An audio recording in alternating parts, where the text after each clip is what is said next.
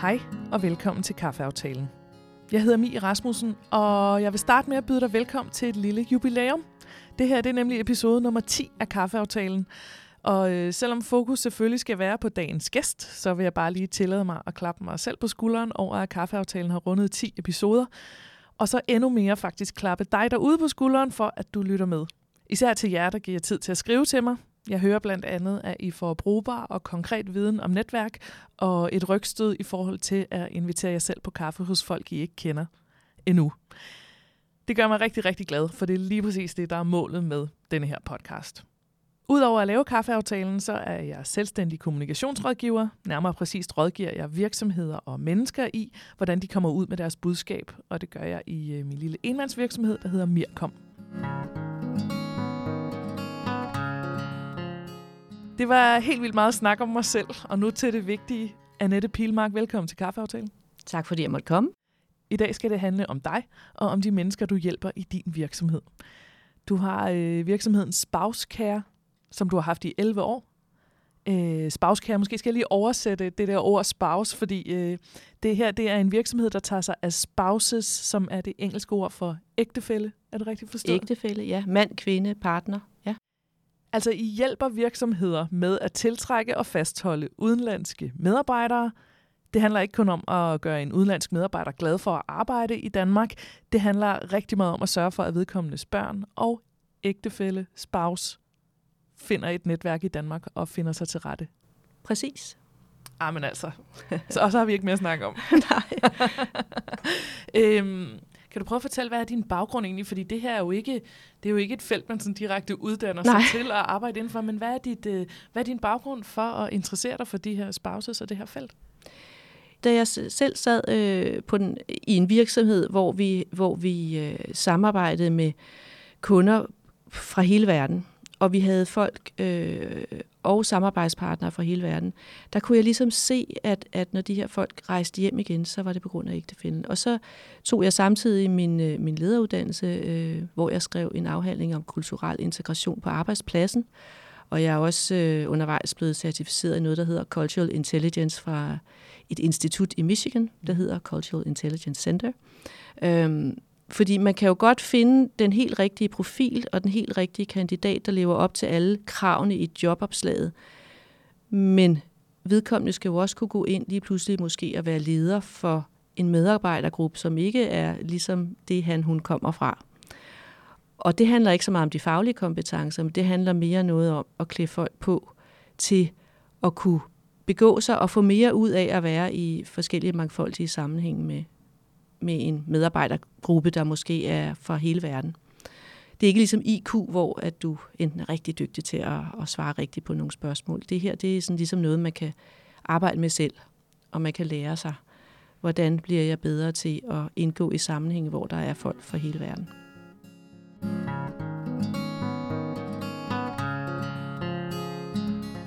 Vi skal jo tale meget mere om, hvordan udlændinge finder sig til rette i Danmark, og hvordan I hjælper dem til at skabe et netværk, når de kommer hertil, altså for mange på bar bund.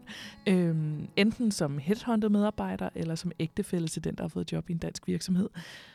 Men lad mig lige prøve at høre først, hvordan fik du ideen til at starte den her virksomhed? Det gjorde jeg, fordi jeg havde siddet og arbejdet med folk fra udlandet i gennem en årrække, og jeg kunne se, at det faktisk ikke var i virksomheden, hvor at de, Øh, det var ikke virksomheden, der var årsag til, at de forlod Danmark. Det var som regel altid den medfølgende partner, som enten ikke kunne finde job, eller som ikke havde noget netværk, øh, og som bare ikke trives.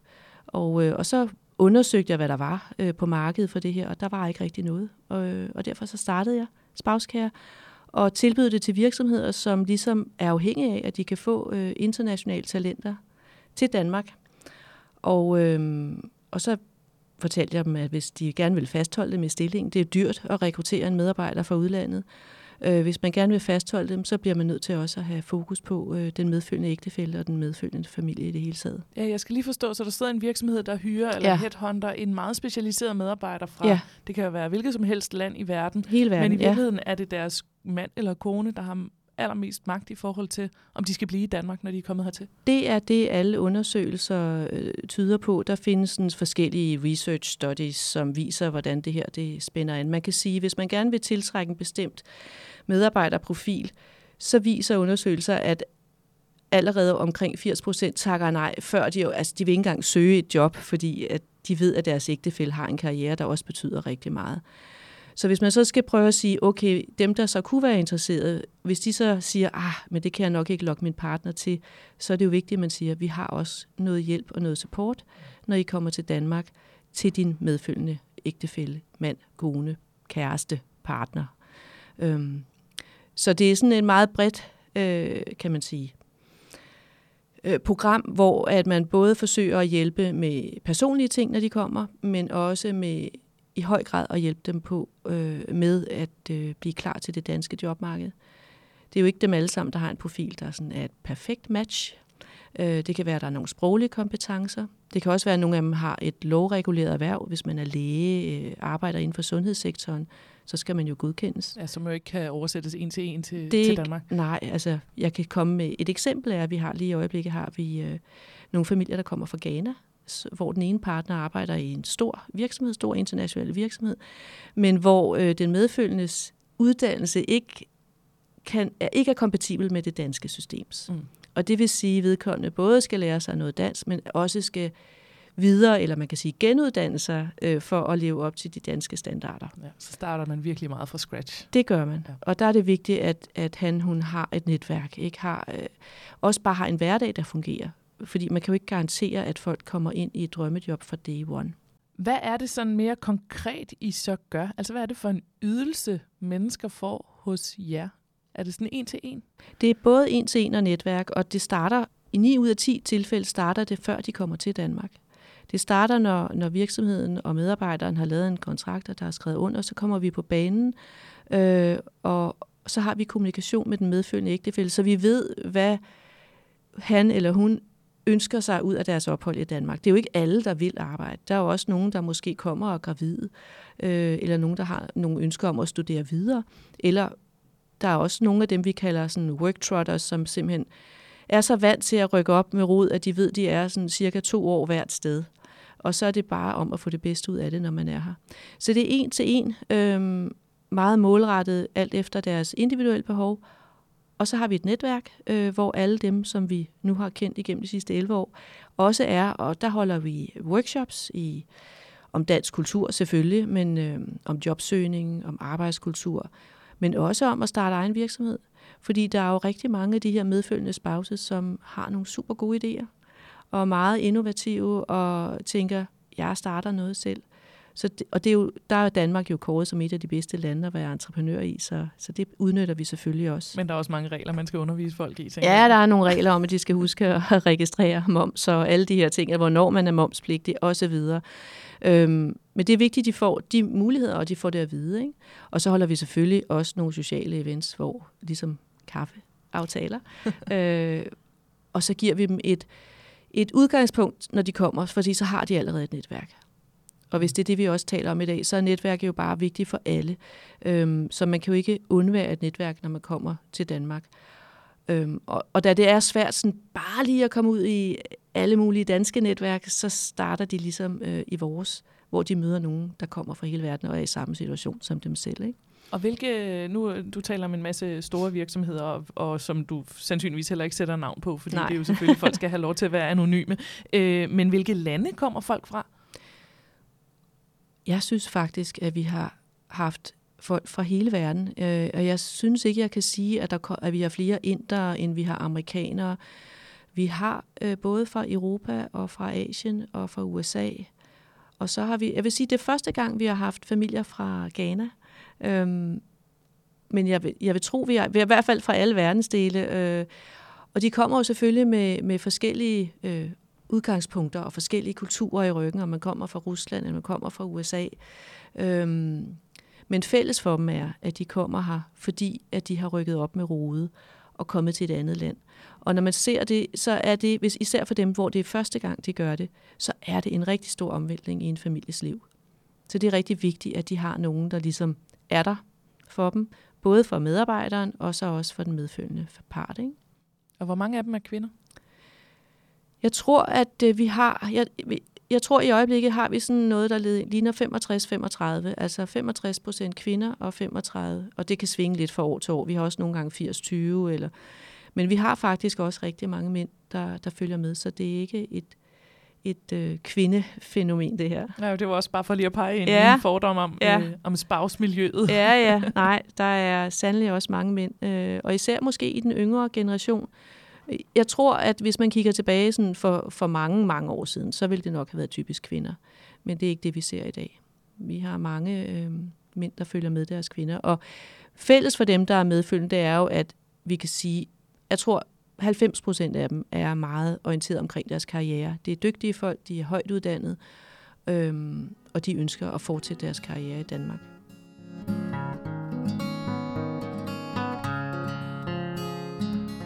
Vi taler jo virkelig meget om udlændinge her i Danmark, fordi det fylder så meget politisk. Så måske skal vi lige understrege en ekstra gang her, at jeres kunder jo er private, der oftest er blevet inviteret til Danmark. Ja, de er altid blevet inviteret øh, i forbindelse med, at den ene part har fået et job i en dansk virksomhed eller en dansk organisation. Og, øh, og jeg synes også, det er vigtigt at sige, at virksomhederne henter dem jo til, fordi de har en særlig viden, de har en særlig know-how, som virksomheden har brug for. Og det betyder også, at de er med til at skabe danske arbejdspladser, fordi de jo hjælper danske virksomheder med at enten få en viden, de ikke har, eller øh, udvide den og gøre den bedre. Og det er jo ikke for sjov, når virksomhederne henter folk fra hele verden. Det er jo altid lettere at, at, at ansætte en, der, der bor lige nede rundt om hjørnet. Så når virksomhederne gør det, så er det jo, det er jo for at sikre virksomheden, men også for at, at, at understøtte de kompetencer bliver i landet sådan, så set på et overordnet plan, så, så er det jo vigtigt for mig i hvert fald, at denne her målgruppe også bliver set som det, at det er, en god, det er den gode historie. Det er en god historie om, hvordan internationale talenter og deres familier er med til at skabe vækst i Danmark. Altså når de så står der og ligesom har det hele på plads, kan man sige, livet er ligesom startet. Hvad er så den der spouses allerførste møde med Danmark? Øh, ja, man kan sige, for de kvindelige spouses, så er det faktisk meget sjovt, fordi når man har registreret sig og fået sit CPR-nummer, så er det første brev, de får, det er fra den region, de bor i nu, det er som regel hovedstadsregionen, hvor, hvor vi arbejder mest. Øh, og så får de en invitation til enten en undersøgelse for livmorhalskræft eller en mammografi og det er på dansk. Ja. og så kommer de selvfølgelig til os og siger, åh, oh, vi har fået det her brev, og der står hospital, og hvad skal vi gøre ved det? Og det er rigtigt, fordi det er det eneste ord, de kan genkende på forsiden. Ja, og det er jo fordi, vi, vi har jo, altså nu har jeg været i det her i 11 år, og da jeg startede, der var der jo, der var ikke nogen kommuner, der havde noget information på engelsk. Det har vi hjulpet nogle kommuner med. Vi, øh, der var ikke nogen øh, nem idé, altså det fandtes jo, det kom først i 2010, ikke? Øhm, og så er det jo så blevet oversat så fint, så nu kan man lave netbanking, og man kan, lave, man kan læse om NemID. Men de data, man, man får ind på sin e-boks, øh, og, og de udtræk, der kommer fra systemet fra skat, og fra, det er jo stadigvæk på dansk. Så, så vi er jo ikke sådan helt internationale nu. Men der er jo sket rigtig meget, ikke? Hvad gør I så i Spavskær, øh, når de står der med brevet til en mammografiundersøgelse? Men vi har advaret dem allerede, fordi vi ved det. Så, så en del af vores introduktionspakke, kan man sige, det er ligesom at sige, nu kommer du, du skal selvfølgelig være oprettet, du skal have en, en nem idé, du skal have en e-boks, du skal kunne betale dine regninger på banken, der er noget, der hedder forsikringer. Der er også noget, der hedder medielicens, så selvom du ikke ser dansk fjernsyn, så skal du betale din medielicens lige meget hvad. Øhm, så der er sådan en hel masse standard, som vi har samlet.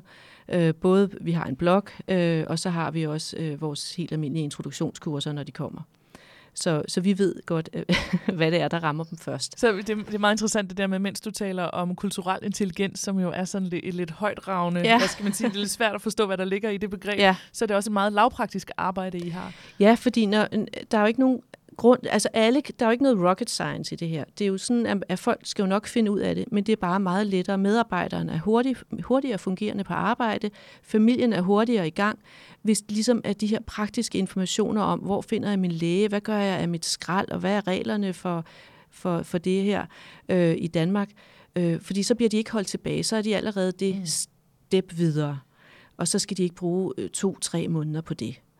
Øhm, så derfor har vi lavet sådan en, en velkomstpakke, der, der ligesom siger, okay, det her, det er need to know.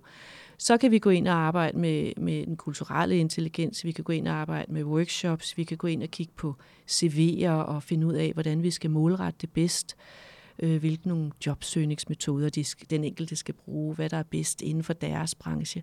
Så bliver det jo noget andet. Ikke?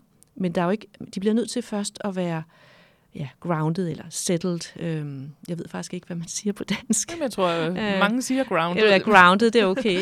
og når de så er grounded i Danmark og har fundet ud af, hvordan man afleverer sit skrald rigtigt. Og, går, og, og tager bussen og ikke køber enkeltbilletter til en milliard, men har et rejsekort eller ja. et pendlerkort, ja. ja, så kan vi gå i gang med alle de andre ting. Og hvad er de andre ting så? Altså, hvordan rådgiver I dem til at finde netværk i Danmark? Hvad, hvad er ja. det for nogle, der er gode netværk at finde, finde plads i? Øh, jamen det, det vil sige, det er ud fra den enkelte. Altså, det kommer an på, vi har jo også forskellige aldersgrupper. Vi har folk med små børn. Har du små børn, er det jo oplagt også at, at, at gøre noget med børnene. Børnene skal jo tit gå til en fritidsinteresse, hvor du også kan møde andre. Øhm, så er der nogen, der er meget fokuseret kun på karrieren, ikke har nogen børn. Jamen, kan de komme ind i nogle professionelle netværk, hvor vi kan gøre både og.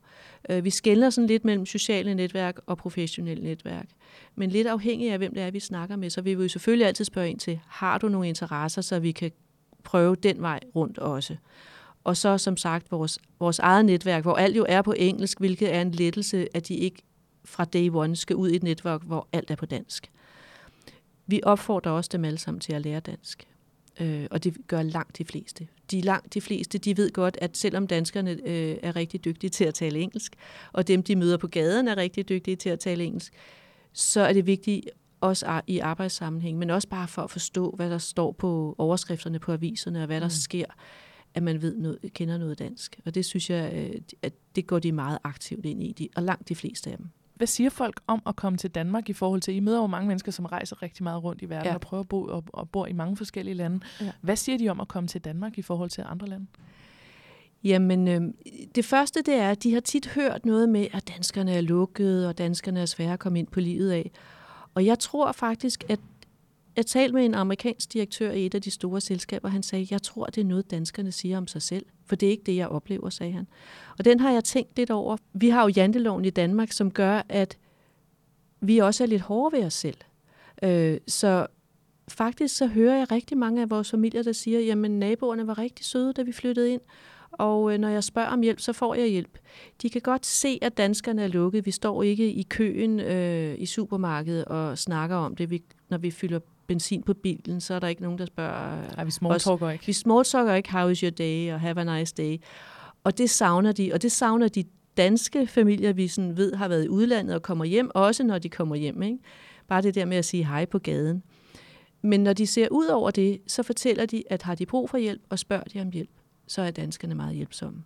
Men vi har jo det der med, at man respekterer folks private sfære, så, så danskerne går ikke hen og prikker dem på skulderen og siger, skal jeg hjælpe dig med noget? Nej, vil du være med i den her kortklub, Nej, jeg har om fredagen? præcis. Så det er også det, vi siger til dem. Du bliver nødt til at være first mover selv, hvis du skal skabe dig et netværk i Danmark. Så vil du opleve, at dørene lettere bliver åbnet, hvis du ligesom tager det første skridt.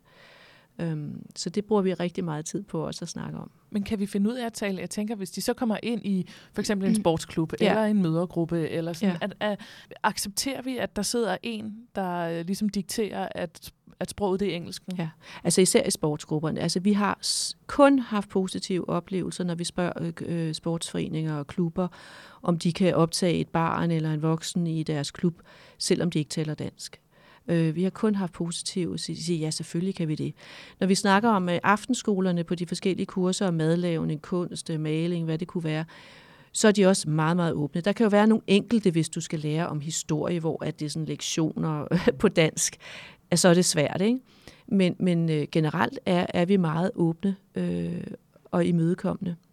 Øhm, men det betyder ikke, det er let fordi det kommer ikke automatisk, og det betyder heller ikke, at du automatisk får venner eller bliver inviteret hjem. Og da jeg startede, troede jeg nok, det ville være lidt lettere. Øhm, de kan godt blive medlem af en klub, de kan godt blive medlem af en forening, men det der med at sådan direkte få venskaber, det er svært. Og i de programmer, vi har, der, der slutter øh, de altid med at udfylde en survey, hvad der har betydet noget for dem, og om de har været glade. Og der har vi et spørgsmål, der spørger, om de har, har fået venner i vores netværk, og det skriver de alle sammen ja til. Så det er godt at starte med et netværk, hvor der er andre udlændinge, der sidder i samme situation. Det, det, sådan er det bare. Det er ked af at sige det. Og så er der jo internationale netværk øh, ud over vores i Danmark også, som vi selvfølgelig peger hen til alt efter, hvor de er i deres liv, hvor gamle de er, hvilke interesser de har. Ikke? Der er meetup-grupper, og der er masser af forskellige netværk, som også er på engelsk. De er også gode til selv at forme netværk. Så der er jo grupper, øh, især landemæssigt, så er der The Canadian Club og The American Club osv. Men, øh, ja, det gør danskere jo også, når vi rejser ud. Præcis, ja, sådan er det. Og det der netværk, du siger, I har, øh, hvor mange mm. er der med i det? Jamen, jeg tror, vi er, altså, er medlemmer, som, som vi har kontakt til, som kommer og som deltager, der er vi omkring 200. Ikke? Og hvordan foregår det? Er det Altså det konkrete mm, stormøder? Eller? Nej, ja, vi laver lidt forskelligt. Øh, altså vi har lavet rigtig mange forskellige ting i løbet af årene. Øh, vi laver vores faste workshops, fordi når du kommer så, det er for de nye, der kommer. De skal vide noget om dansk kultur, de skal vide noget om jobsøgning, LinkedIn, start af egen virksomhed. Men for dem, der har været her i længere tid, så kan det være noget med, lige pludselig bliver de gravide, jamen så har vi en familiegruppe, hvor man kan mødes på kryds og tværs med børnene. Øhm, vi har også haft inviteret en jordmor, der kunne fortælle om, hvordan det var at føde i Danmark, mm. fordi vi har haft sådan nogle fødselbooms øh, i Spauskær, hvor at, øh, vi tænkte, der sad simpelthen så mange førstegangsgravide, og de sidder jo så ligesom at skal føde i et land, hvor de ikke kan sproget, og hvor de ikke kender systemet. Det kan godt være lidt utrygt. Mm. Øh, og så havde vi en jordmor, der fortalte om, det foregår sådan her, og når, når fødslen går i Altså, så de havde lidt mere øh, mulighed for at forberede sig. Så har vi lavet virksomhedsbesøg. Vi har også øh, lavet det, der kalder øh, spouse talks. Og der har vi ligesom åbnet, der er det ikke kun for vores egne medlemmer, der har vi åbnet dørene og sagt, der inviterer vi lidt bredere. Og der er det så sådan, at øh, du kender TED Talks. Ja. At det er ligesom ja, det er lidt, en, lidt det samme, hvor at folk får en, en 8 minutters taletid til at tale om noget, de brænder for.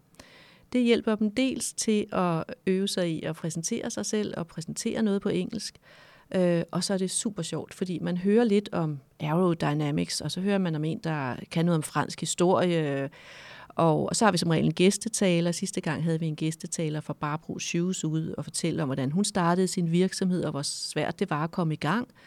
Øhm, og, og så er der netværk bagefter. Og det er rigtig sjovt, fordi der møder folk, de, de lærer noget, man lærer noget nyt, og så møder de en masse andre mennesker, de ikke kender. Så, så det er sådan, det, så netværk er forskellige ting, og vi prøver at gøre noget på kryds og tværs. Virksomhedsbesøg, øh, vi har været i Folketinget, det gør vi næsten hvert år. Folketinget er jo så venlige, at de udbyder nogle øh, tours på engelsk, og øh, så kan man få lov at booke en større gruppe og komme ind og se, øh, og det, det er rigtig sjovt. Det fortæller også en masse om dansk kultur. Og de får vel også, tænker jeg, at det er oplagt at finde venner i sådan et netværk. Ja. Folk, der ligner en selv. Lige præcis. Og det er det, de gør. De finder deres tætteste venner der, og, og så er, det, så er det, det er rigtig godt øhm, startplatform til at bevæge sig ud så i en mere øh, direkte øh, møde med, med danskerne, hvis man skal sige det sådan. Ikke?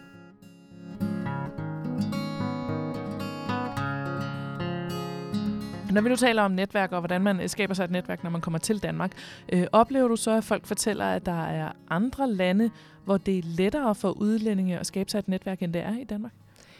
Ja, det gør jeg. Altså, øh, hvis du kommer og har boet i et land som Singapore, som består af så mange mennesker fra så mange øh, forskellige lande, så har de helt automatisk netværk. Og det siger danskere faktisk også, der rejser ud. De siger, at det er simpelthen så nemt, fordi der er allerede et stort netværk for en masse udlændinge. Nu er Singapore jo også meget lille, ikke? Men, men hvis du også er i Bruxelles, og du er vant til, øh, at der arbejder folk fra mange forskellige kulturer der. Man kan sige, at migrationen i Danmark startede jo ikke rigtig før i 70'erne. Vi er jo ikke verdensmester i at invitere folk udefra ind. Og det er måske også derfor, vi har lidt svært ved det i det hele taget. Ikke? Hvis man kigger på, på mange andre lande, så, så er de jo yngre generation, altså yngre nationer, som derfor også måske har et andet forhold til, at folk kommer fra forskellige steder fra. Hvis du tager til New York, så er der Little Italy, og der er Chinatown, og, og folk kommer bare med så mange forskellige baggrunde, og alle skal være der, og der er plads til alle.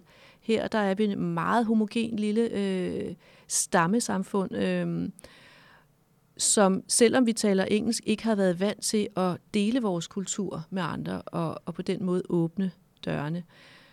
Og jeg håber jo bare, at vi også nogle gange kan lære noget af alle de her, der kommer øh, til vores land, fordi de har jo også noget at byde på.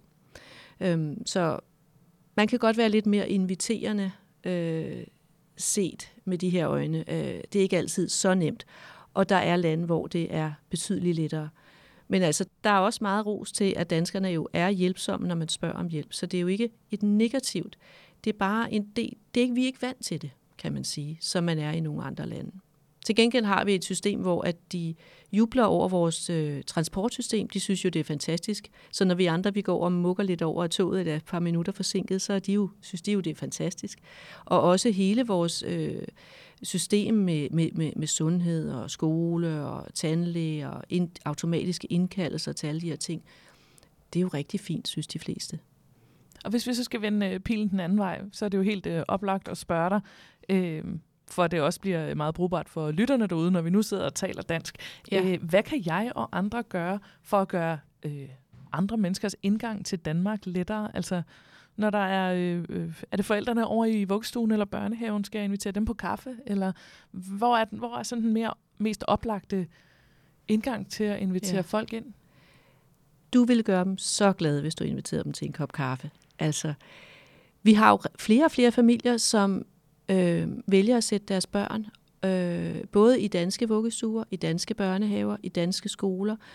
Og de danske skoler har jo øh, i de langt de fleste kommuner jo øh, rigtig gode øh, velkomstklasser, og de her børn lærer dansk rigtig hurtigt. Men det er bare ikke lige så nemt at lære et nyt sprog, når du er voksen, som det er, når du er barn. Og derfor så kommer forældrene jo til forældremøderne, de lytter, de gør sig umage, men de forstår ikke det hele.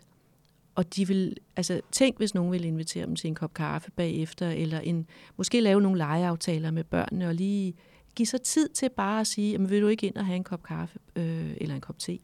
det er vel også, kan man sige, de spouses, der føler sig, er i risiko for at føle sig allermest alene. Det er dem, hvor Præcis. børnene starter i skole, ja. uden at have gået altså, ja. i skole eller børnehave, der hvor de kom fra. Det er jo det. Altså, den, den ansatte begynder i arbejde, børnene begynder i skole eller vuggestue eller børnehave, og så er det jo derfor, at jeg lavede Spauskær for 11 år siden. Det var fordi, jeg kunne se, at der var et behov for, at denne her spouse, der sad tilbage, når alt det andet fungerede, øh, ikke skulle føle sig fuldstændig isoleret. Må jeg lige sige noget omkring børn? Så sad, øh, var jeg med toget i går morges, og der var en spansk mor med sin søn, og han talte så alle cyklerne ind i kupéen, og så sagde han, 1, 2, 3, 4, 5, 6, 7, 9, 10. og jeg synes bare, det var så sødt, at han i en alder, har han været 3-4 år, at han jo allerede forsøger at lære dansk. Tydeligvis var en øh, spansktalende dreng, men også lidt engelsk. Og jeg tænker, det er jo en gave, at de her børn får. Men det, jeg synes også, det skal man også virkelig anerkende, at det er, altså, det er hårdt arbejde i starten, når de kommer. Ikke? Det må man sige. Øh, både for familien. Jeg har jo flere familier, hvor børnene så lærer at tale dansk, og hvor mor og far ikke forstår, hvad de siger. Så der er også et hemmeligt sprog der. Ikke? Øh, ja, det er lidt sjovt. Børnene, de fanger det hurtigt. Og, øh, men det lyder på dig som om, at især sådan noget ja, forældremøder ja. er et godt sted at Forældremøder, og det der, når man render ind, øh, henter børnene fra øh, sportsaktiviteter. Øh, fordi det er jo sådan noget, vi gør. Vi siger jo, prøv at melde, meld dig selv til noget, meld dine børn til noget. Og hvis du, øh, eller til lytterne her, kan man sige, går øh, i en klub, spiller håndbold, hvad ved jeg, men hvor der er en udlænding på holdet, så er det måske rart at vide, at den person ikke har det samme netværk som alle jer andre, og måske vil sætte rigtig stor pris på at blive inviteret ud til en øl eller en kop kaffe bagefter, øh, I har spillet. Der er mange af vores familier, der siger, at i de lande, hvor de kommer fra, der er der også en kultur med, at man efter arbejde går ud og mødes. At man ligesom netværker der. Og det gør vi heller ikke i Danmark. Vi, vi skal hjem til vores familier, fordi vi har det her work-life balance. Og så har vi jo vores netværk der, hvor vi er sammen med familien, eller går til de her sportsklub-netværksaktiviteter efter arbejde. Ikke? Og hvis og når øh, vi så har grebet ud efter en spouse ja. og begynder at drikke kaffe med dem, ja. hvad er det så, man kan få ud af at skabe et netværk den vej? Hvis man har et åbent sind, så kan man jo få rigtig meget ud af det, fordi øh, det, det giver i hvert fald mig energi. Nu har jeg en lang erhvervserfaring, men jeg vil sige, de sidste 11 år, hvor jeg har mødt mennesker fra andre dele af verden, jeg, altså jeg lærer jo hele tiden noget nyt, noget jeg ikke vidste. Øh, og, og, og de har jo også nogle indsigter, og, og det her den målgruppe, vi har med at gøre, det er jo, det er jo dygtige folk, der er veluddannede, og de kommer og kan bidrage med en hel masse. Og så synes jeg også, det er sjovt at blive øh, udfordret på. Vi, vi taler tit om den danske model. Mm. Der er også nogle politikere, der, der siger, at vi vil have de danske værdier til EU. Jeg synes nogle gange, man også skal vente den om at sige, at de værdier, andre mennesker kommer med, kan jo også være noget, vi kan arbejde videre med at integrere i vores værdisæt. Det er jo ikke altid den danske model altid er den bedste. Øh, vi skal selvfølgelig være stolte af det, vi har, men hvis vi kan være lidt mere åbne øh, over for, hvad der kommer af nye ting. Øh, jeg havde en, en indisk øh, mandlig medfølgende spouse, øh, som vi hjalp, han var inden for banksektoren, og der har han faktisk også skabt sig en god karriere øh, i dag. Men han sagde til mig, Anette, hvorfor går I altid i sort og hvidt og gråt? Og jeg kunne godt se, at når han så på os som kultur, så var vi virkelig kedelige. Øhm, og det tog jeg da lidt til efterretning. Jeg tænkte, jeg kan da godt en gang imellem måske have en rød t-shirt på. Og her sidder jeg så igen i noget meget mørkt, ikke? Ja, vi er lidt i noget mørkt i dag også. men, øh, men jeg synes bare, det er da sjovt at se, hvordan andre ser på os udefra os, ikke? Ligesom de siger, ej, I cykler alle sammen. Det er jo, der er jo nogen, der aldrig har siddet på en cykel.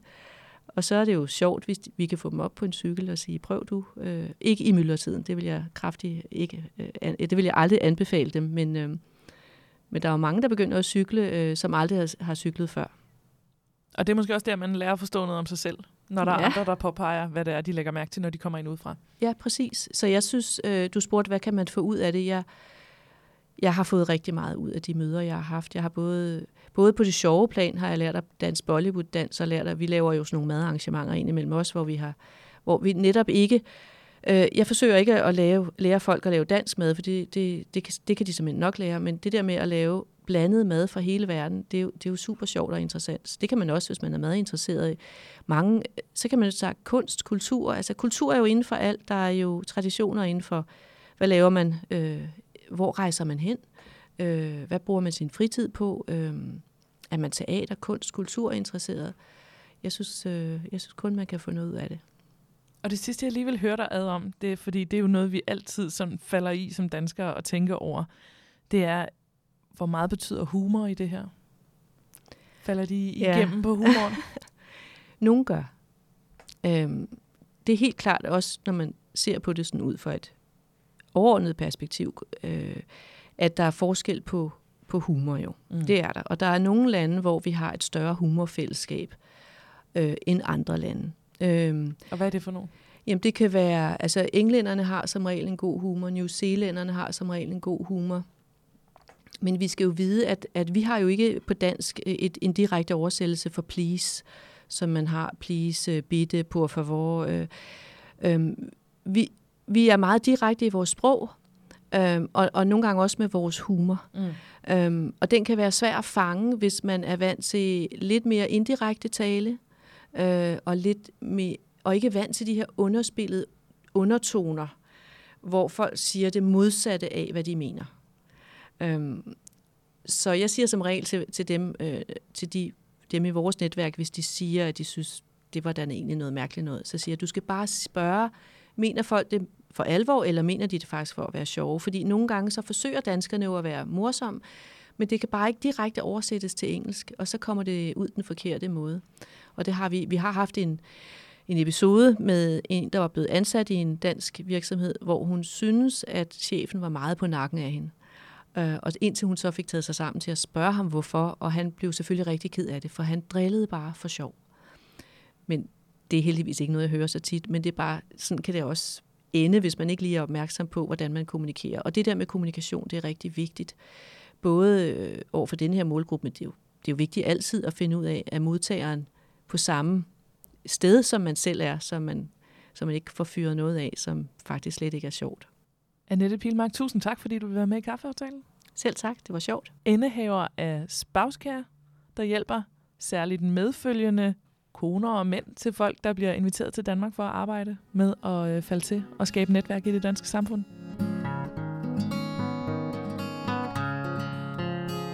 Jeg håber også, at jer derude har fået udvidet jeres horisont i forhold til, hvilket netværk Danmark er bygget af, og hvordan andre nationaliteter kommer ind i det netværk, vi kalder Danmark. Der kommer et nyt afsnit af Kaffeaftalen om to uger. Det er tirsdag i lige uger.